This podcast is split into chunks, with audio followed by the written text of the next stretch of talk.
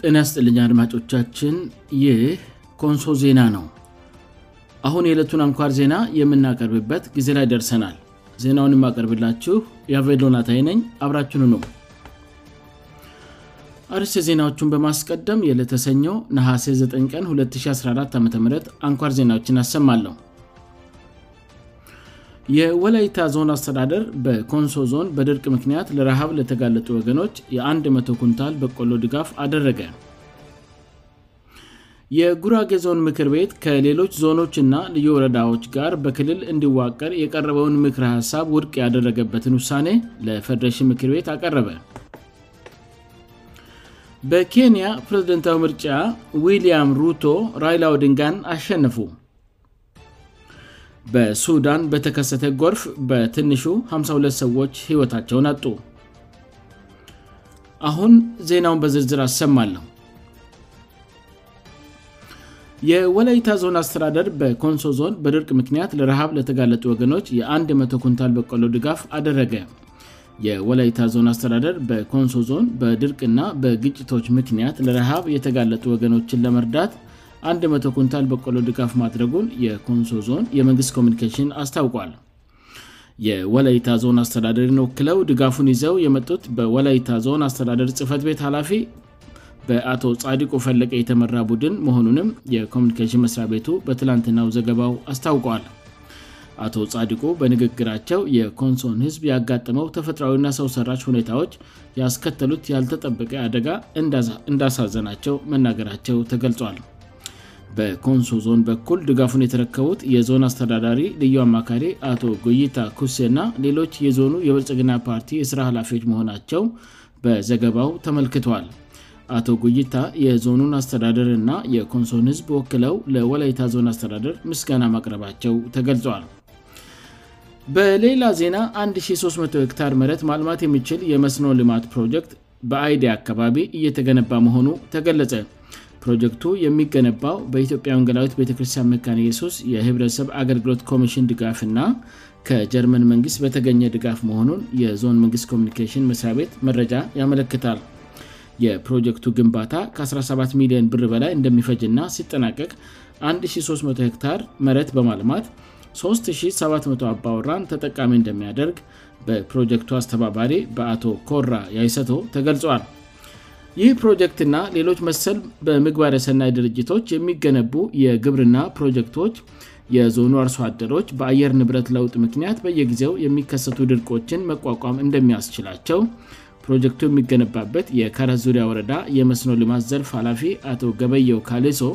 ተራግነዋል ስል የመንግስት ኮሚኒኬሽን በዘገባው አስታውቋል የፕሮጀክቱ ግንባታ አሁነው ሁኔታ በኮንሶ ዞን ምክር ቤት የፋይናንስ የበጀትእና ኢኮኖሚ ጉዳዮች ቋሚ ኮሚቴ አባላት የተጎበኘ ሲሆን በጉብኝቱ ወቅት የዞኑ የብልጽግና ፓርቲ የስራ ኃላፊዎችም መገኘታቸው ታውቋል ይህ ኮንሶ ዜና ነው የጉራጌ ዞን ምክር ቤት ከሌሎች ዞኖችና ልዩ ወረዳዎች ጋር በክልል እንዲዋቀር የቀረበውን ምክር ሀሳብ ውድቅ ያደረገበትን ውሳኔ ለፈድረሽ ምክር ቤት አቀረበ የጉራጌ ዞን ምክር ቤት ከሌሎች ዞኖችእና ልዩ ወረዳዎች ጋር የጉራጌ ዞን ተጣምሮ አንድ ክልል እንዲያዋቅር የቀረበውን ምክሬ ሀሳብ ውድቅ ያደረገበትን ውሳኔ ለኢትዮጵያ የፈርደሽ ምክር ቤት አቅርበዋል በጉራጌ ዞን ስር የሚገኙ የወረዳ ምክር ቤቶች በበኩላቸው የክላስተር አደረጃጀትን የሚደግፍ ውሳኔያቸውን በተመሳሳይ ዕለት ለኢትዮጵያ ፈርደሽ ምክር ቤት አቅርበዋል በ1985 ዓ ም የተቋቋመው የደቡብ ብሔር ብሔረሰቦች ና ህዝቦች ክልል በውስጡ የተነሱትን ራስን በራስ የማስተዳደር ጥያቄዎች ለመመለስ መንግሥት ያቀረበው የውሳኔ ሀሳብ በጉራጌዞን ምክር ቤት ባለፈው ሳምንት ውድቅ ሆኗል ነሀሴ 5 ቀን 2014 ዓ ም በተካሄደው የምክር ቤቱ ጉባኤ በጉራጌዞን ዋና አስተዳዳሪ አቶ መሐመድ ጀማል የቀረበው ምክሬ ሀሳብ በምክር ቤቱ 40 ድጋፍ ቢያገኝም በ52 ተቃውሞ ውድቅ ሆኖ ነበር አፈጉባኤ አርሺያ አህመድን ጨምሮ አራት አባላት ያሉት የምክር ቤቱ ልኡካን ቡድን ይህንን ውሳኔ በዛሬ 2ለት ወደ አዲስ አበባ ተጉዘው የብሔር ብሔረሰቦችና ህዝቦች የራስን እድል በራስ የመወሰን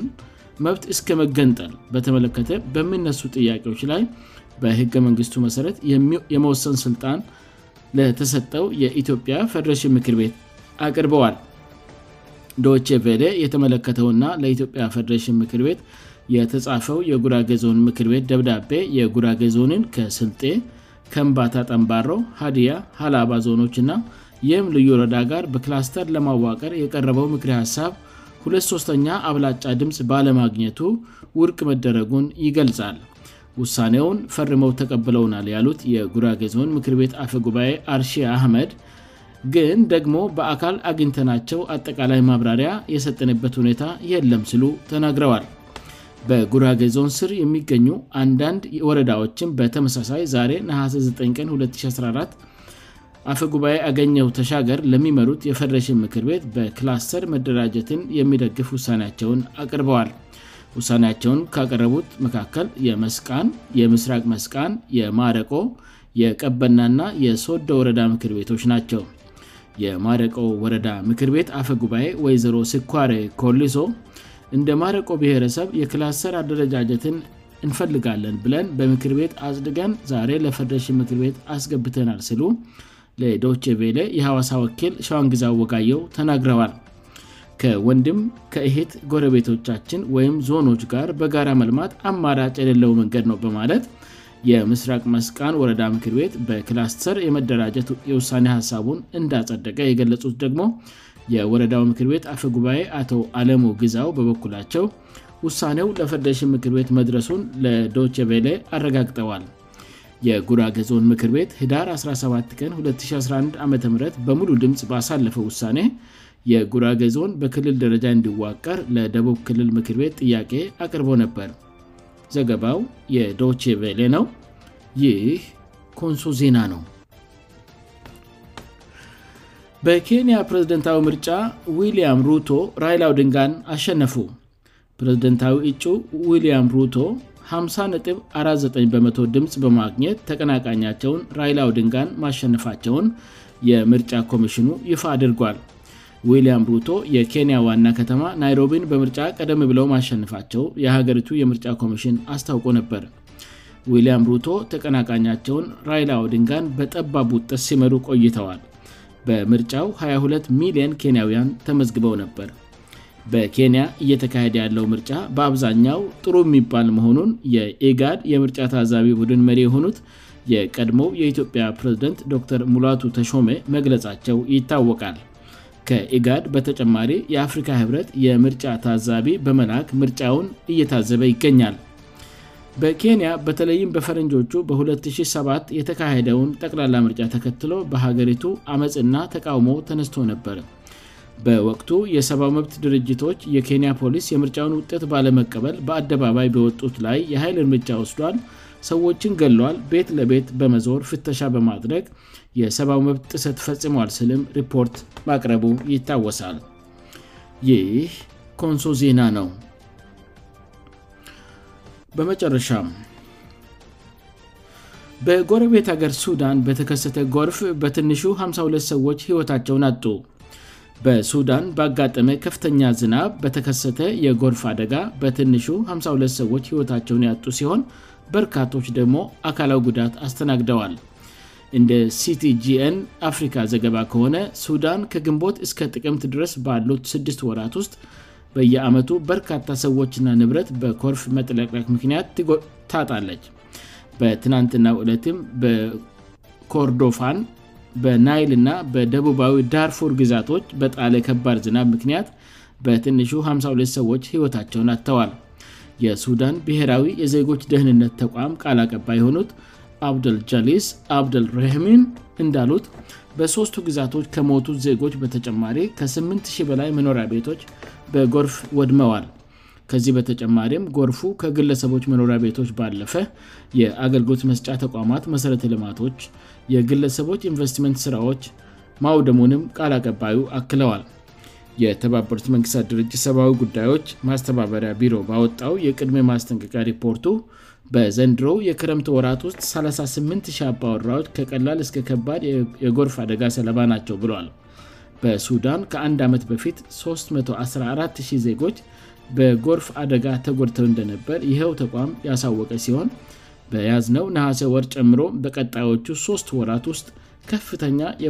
የጎርፍ አደጋ ልከሰት እንደሚችል ተገልጿል ሱዳን የኢትዮጵያ ሂዳሴ ግድብ የውሃ እጥረት እንዲያጋጥም ያደርጋል የምል ሀሳብ በተደጋጋሚ የሚትናገር ሲሆን ኢትዮጵያ በበኩሏ ግድቡ ሱዳን በጎርፍ አደጋ እንዳትጠለቀለቅ ይጠቅማል በማለት ላይ ትገኛለች ይህ ኮንሶ ዜና ነው አድማጮቻችን ዜናውን ከማብቃት በፊት አርስ ዜናዎቹን በድጋሚ አሰማለሁ